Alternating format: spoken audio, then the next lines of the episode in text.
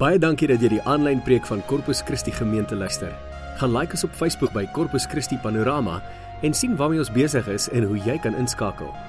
Ons hoop van harte dat jy hierdie boodskap sal geniet en selfs met vriende en familie sal deel. Deel ook gerus die preek op jou Facebookblad. Sit terug, ontspan en geniet die boodskap wat Piet met jou gaan deel.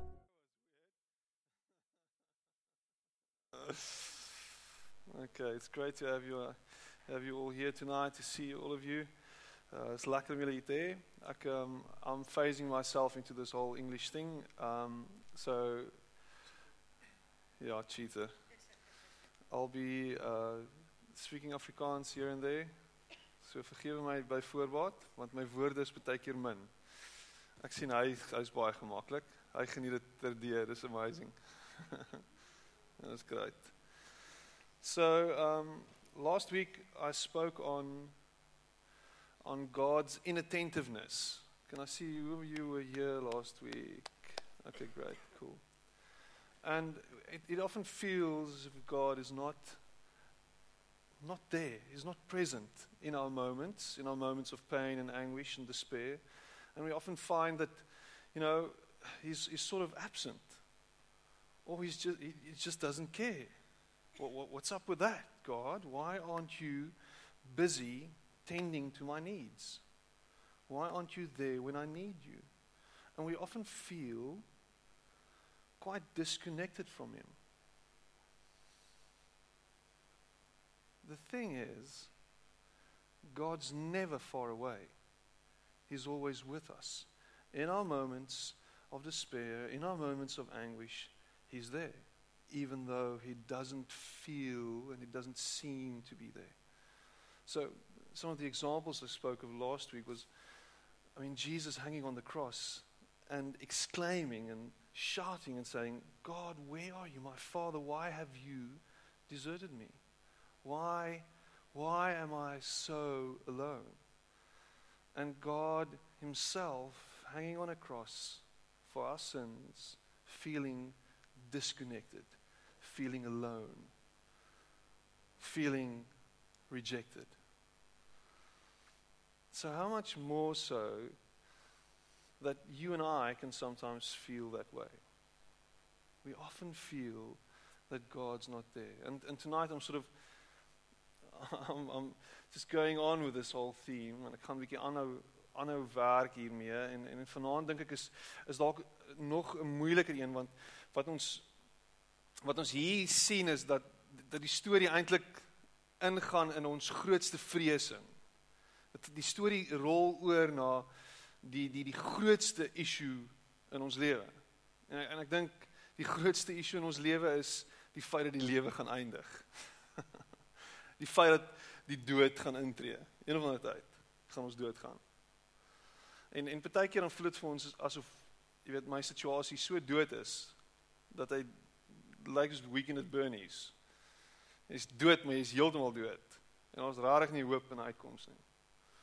En God wat dan wanneer alles dood is if we're dead and buried, he sort of moves in. He's late. he is totally late. Where was he when I needed him? And now God suddenly shows up and he pulls us up from, from death and he brings us into resurrection. And, and I've preached on this specific story, I don't know how many times already. And, and, I, and I think one of the greatest examples of this is, is the story of Lazarus. Um, but I mean, as, as human beings, we don't like waiting. I don't know if, if I'm the only one here. I'm a bit of an impatient guy. I'm not into waiting that much. Yeah. I don't think, is anyone sort of with me? I can see of hear the murmurs. You know, we don't like waiting. As part of my job, I often go to uh, the Department of Home Affairs. What a lovely place. I often go there, and I really enjoy myself there. It's a time of great reflection and a time of punishment and pain. And you think you, you're feeling hot now and stuffy, you should go there on a Monday morning or a Monday early afternoon. It's dreadful. The other day I was there, and um, two hours later I came out. It was, it was amazing.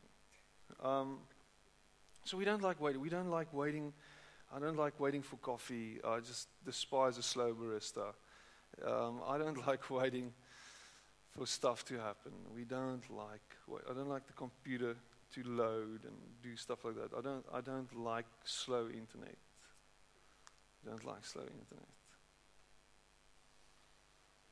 But it's in those moments where we wait that God often works with us and is busy doing something. And I'm not just talking about waiting for the coffee to come, I'm talking about waiting in your moments of need. How often have you prayed about something, asked God for outcome, asked God for release, or asked God for breakthrough? Where's my breakthrough? And nothing's happening. And, and, and he's seemingly not there. I mean, maybe in, in a relationship you've prayed for something to happen. Maybe you ha- you, you, you're waiting for a relationship to happen. You've waited now for 10 or 20 years, maybe. maybe you're waiting for something to happen. You've lost your job and you're waiting for a new job. You're, you're waiting. You, you, you're handing out CVs, you're posting, whatever, you're emailing, and nothing's happening. You're waiting. God, where are you? You're waiting for healing. You're waiting. Where are you now? In, personally, in our lives, um, and I, we've, we've come through a time of waiting. In, in, in her health, her health situation, you know the story. She they had to remove her kidney, and and you sort of wonder, and, and we prayed about it and asked God, you know, we don't want to go through this. So, you know, where are you in this? Why is this not happening? I've heard of many pastors praying for themselves and their wives for healing and nothing happening. And it's not just pastors. I mean, how many people do you know you've prayed for and nothing's happened? God, where are you? What's happening? I'm waiting what, this morning we sang, did we, did we sing this, this evening as well? This morning we sang, Waiting Here for You. With our hands lifted high, and we sort of, we are surrendered. We are waiting. We are worshiping God. Waiting here for you. Come on, come, come. Do your thing.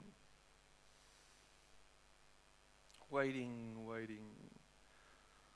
We often see waiting as wasting time. I could have done so much more. This time could have been used so much more efficiently.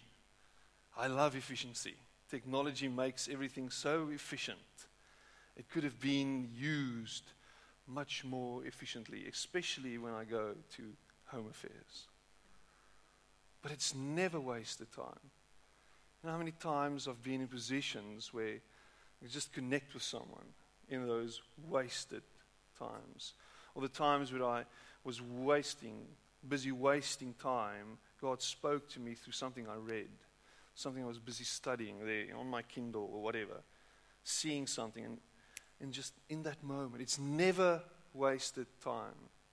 It's a matter of just listening for his voice and hearing him speak to us. So, this, this story it's, it's the ultimate story. John 11, and you can make a note and maybe go read it later on. It's also uh, the chapter where, you, where we'll find the shortest verse in the Bible. Jesus wept. You've maybe heard of that. It's the easiest verse to remember and to memorize as well if you're into memorizing scripture. Jesus wept. So that's something you can, you can really memorize scripture in John 11. Jesus wept. So, now a man named Lazarus was sick. He was from Bethany, the village of Mary and her sister Martha. So the sisters sent word to Jesus Lord, the one you love is sick. Lord, the one you love. We don't even have to tell you who is sick. We can just tell you that the one you love the special one, the one that you're in a special relationship with that one is sick. It's a done deal. Jesus is going to listen. He's going to come. He's going to pitch very soon. He is there when we need him. I mean, they have known Jesus for quite some time. They've had him in their home. She, Martha, has prepared some great meals for him. There were times when she confronted Jesus because her sister was wasting time at his feet and she wasn't up for that. Martha was calling on Jesus. She needed him to come and she knew he would because the one he loves is sick. So don't worry, he's on his way, he's coming. So thank you, Jesus, that you will come and that you'll heal him because you do it for everyone. You do it for all the weirdos, all the unclean ones, even the heathen, the Roman soldiers, whatever. I mean, you do it for everyone. But we're in a special relationship with you. Sort of, do you hear yourself there? I know you. I'm in a special relationship with you. I've known you for years. I've done many things for you. I've given a lot of time for you. I've laid down a whole life for you. I've stopped smoking for you, stopped drinking, stopped sleeping with other people. i have done a whole lot of things for you. And now I'm waiting here for you. It's, this has got to happen. And I'm excited about the outcome here. Thank you that you that you make this happen for me. But he doesn't come. hour after hour, day after day, there's no Jesus. He is nowhere to be found. Beep, beep, beep. Hello. This is a bad connection. Where's that guy we sent over to Jesus? Get him here. Did you speak to him? Did you physically speak to him? Did you tell him what I told you to tell him? Did you? Yes, we did. Yes, ma'am. Yes, we did. Yes. He didn't misinterpret you and the message, maybe. No, he didn't.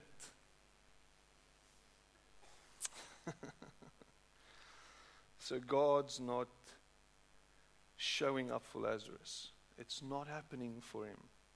And we often find that his delays sort of rolls over in our minds as his denials. Sort of, he's delaying this so it's not going to happen. It's not going to happen, so it's a denial. He's, he's not going to come through. Okay, that's probably what's going to happen here. It's not going to come through, so we often find ourselves, and it's something that you can write down God's delays, there's something to remember, are not necessarily God's denials. This is a crazy story. This is a fantastical story. It's sort of all, almost a sort of, sort of story that you read of in a children's book because it's ridiculous. And it goes on. So when he heard this, and this is what he says Jesus said, This sickness will not end in death. No, it is for God's glory, so that God's Son may be glorified through it.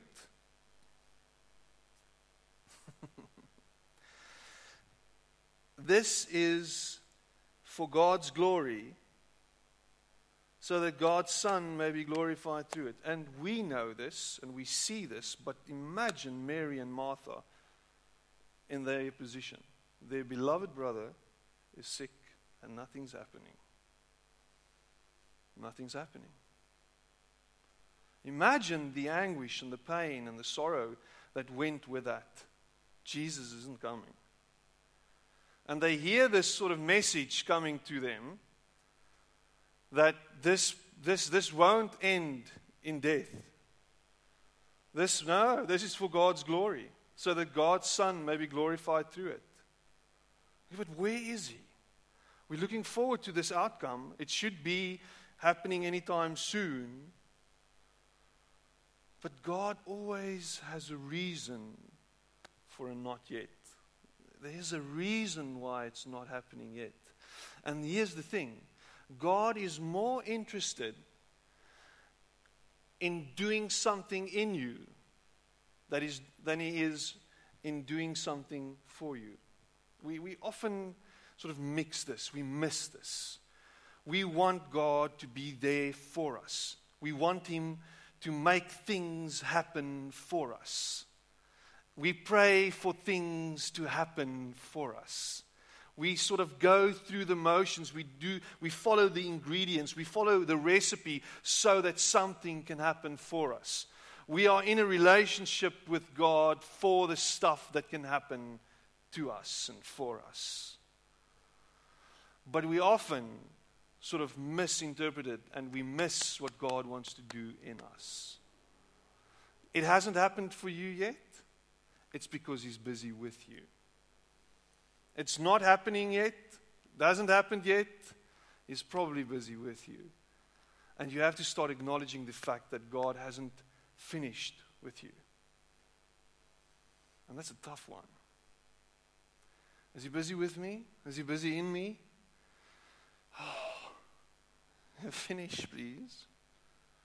I am done now. You can start making it happen for me. I'm, I'm sort of tired now. But because you can't see it happening doesn't mean it's not happening. He's busy working with you. And it's never, ever a wasted season. So, the story goes on. And on his arrival in verse, four, uh, verse 17, on his arrival, Jesus found that Lazarus had already been in the tomb for four days. How, how long? Four days. Hey, let's do it. Isn't do it. Isn't heeltemal do it. En King James jy het dit al gehoor he stinketh. Gaan lees dit, King James. He stinketh. Dis die 4de dag. Ek was in Israel gewees. Dis 'n redelike warm land. Hierdie is niks. 4 dae later in die graf gaan jy begin decompose.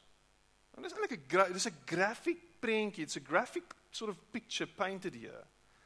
Why is John saying this? He didn't need to do this. We could sort of interpret it on our own. Four days later, what's going to happen with you? Going to happen to you? What's going to happen to the people around you walking around? They're going to smell him.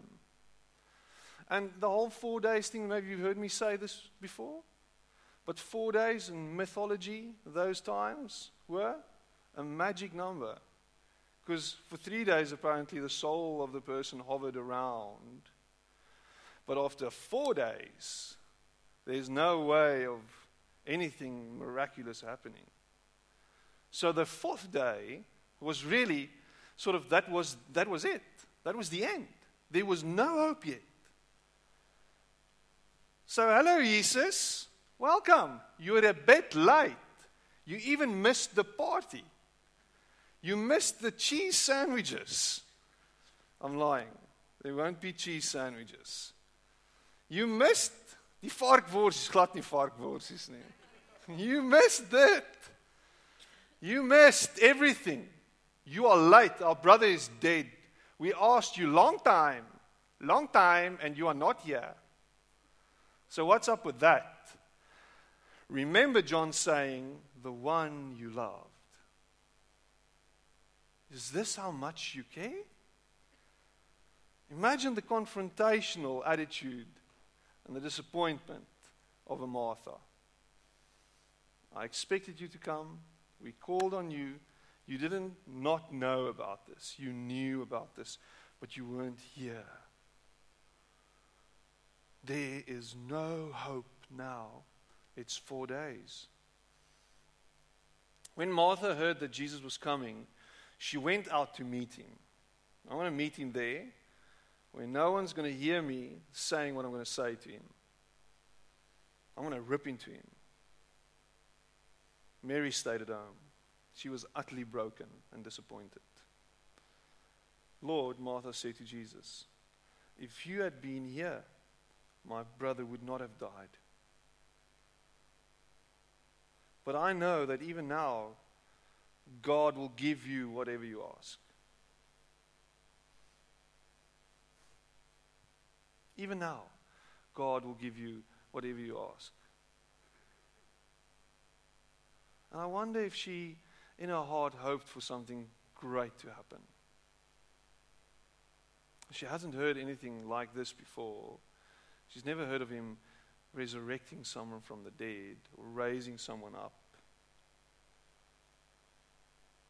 Nothing's happening. And it ended up in death.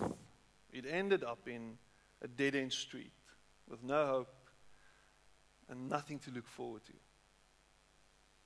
And that's maybe where you are now. How long have you waited? Waiting here for you and nothing's happening. And the crazy thing is, for Jesus, this wasn't an issue. For Jesus, this was a non issue. Because he knew in his heart what was going to happen.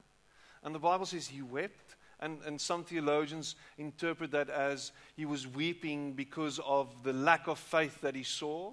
So he was heartless as well, according to them. But he wasn't. He saw their pain.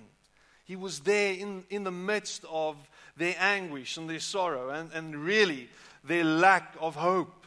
He, he saw that and he, and, he, and he was broken by that.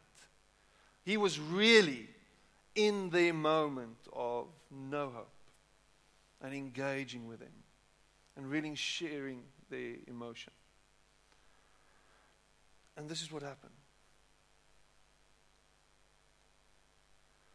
And this is something to always remind yourself of.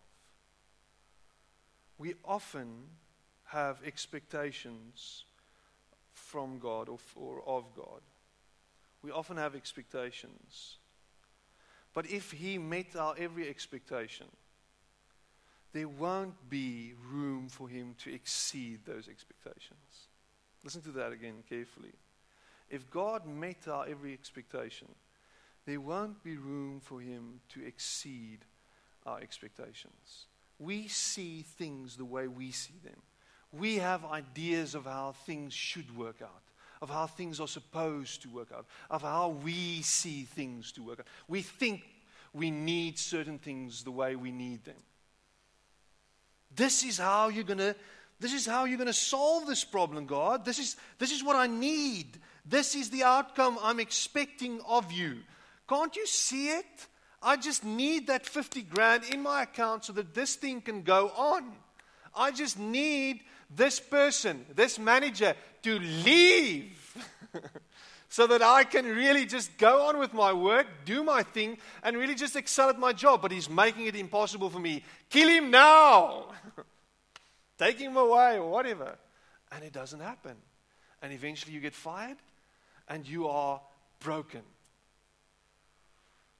And what happens is, six months down the line, you get a brand new job and it's better than you ever hoped for. And it's better than you ever thought you, you'd get.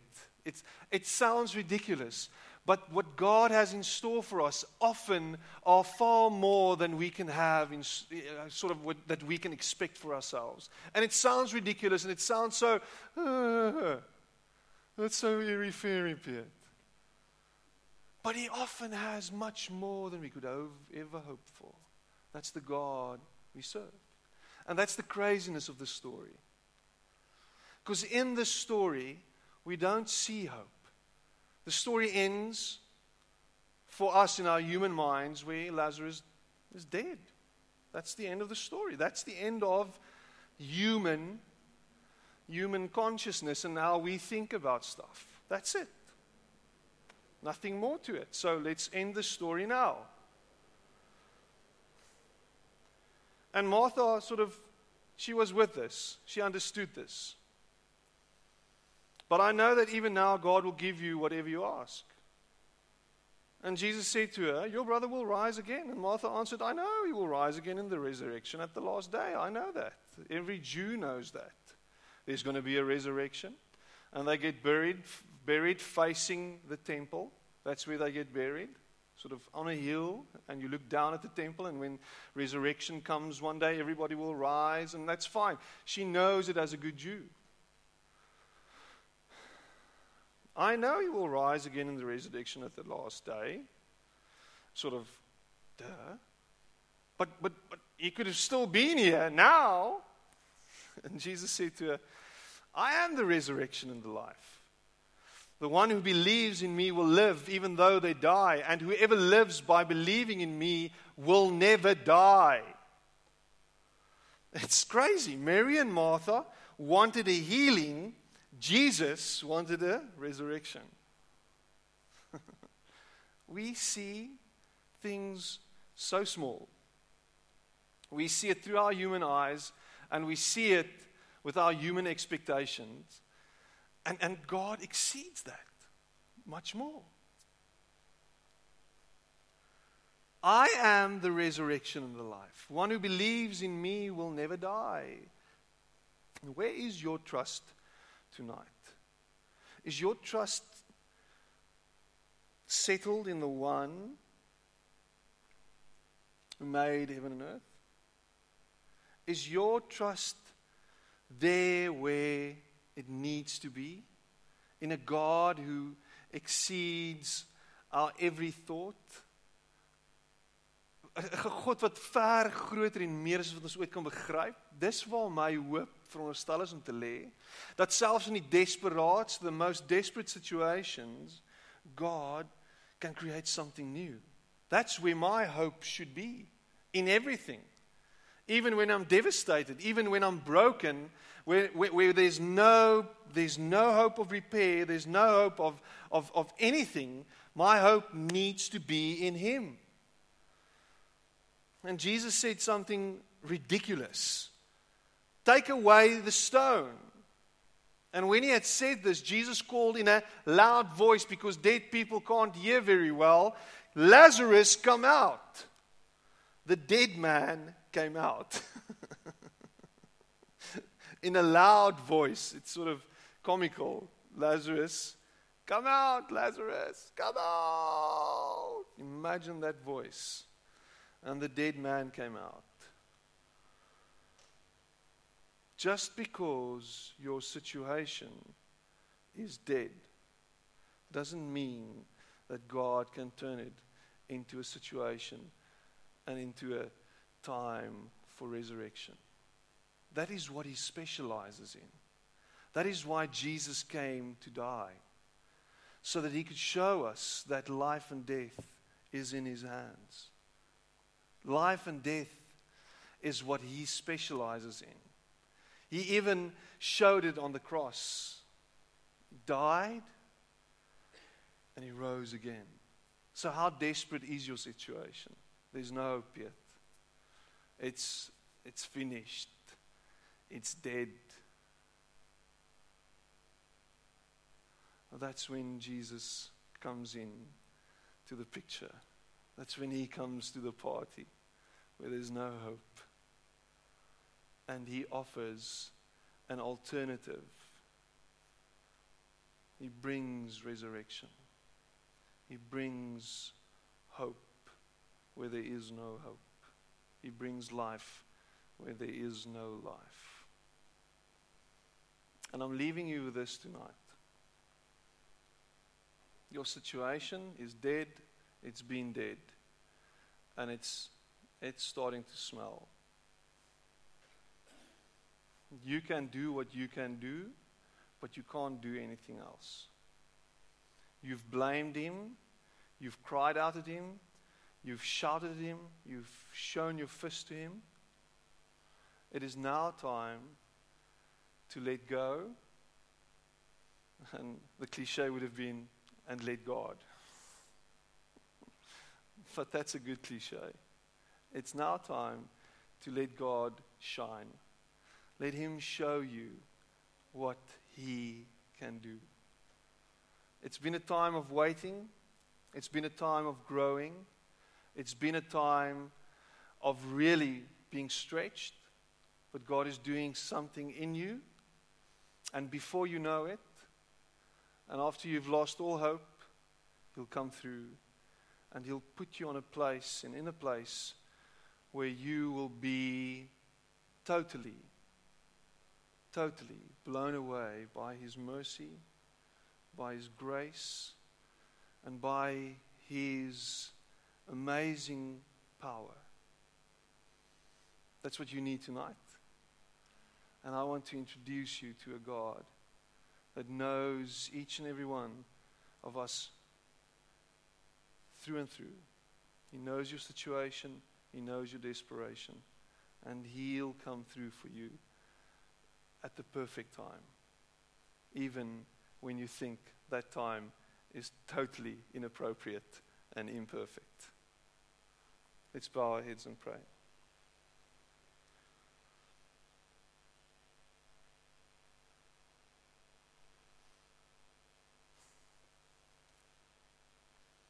Maybe you are desperate tonight and you don't have any hope anymore. I want to pray with you. You want to raise your hand?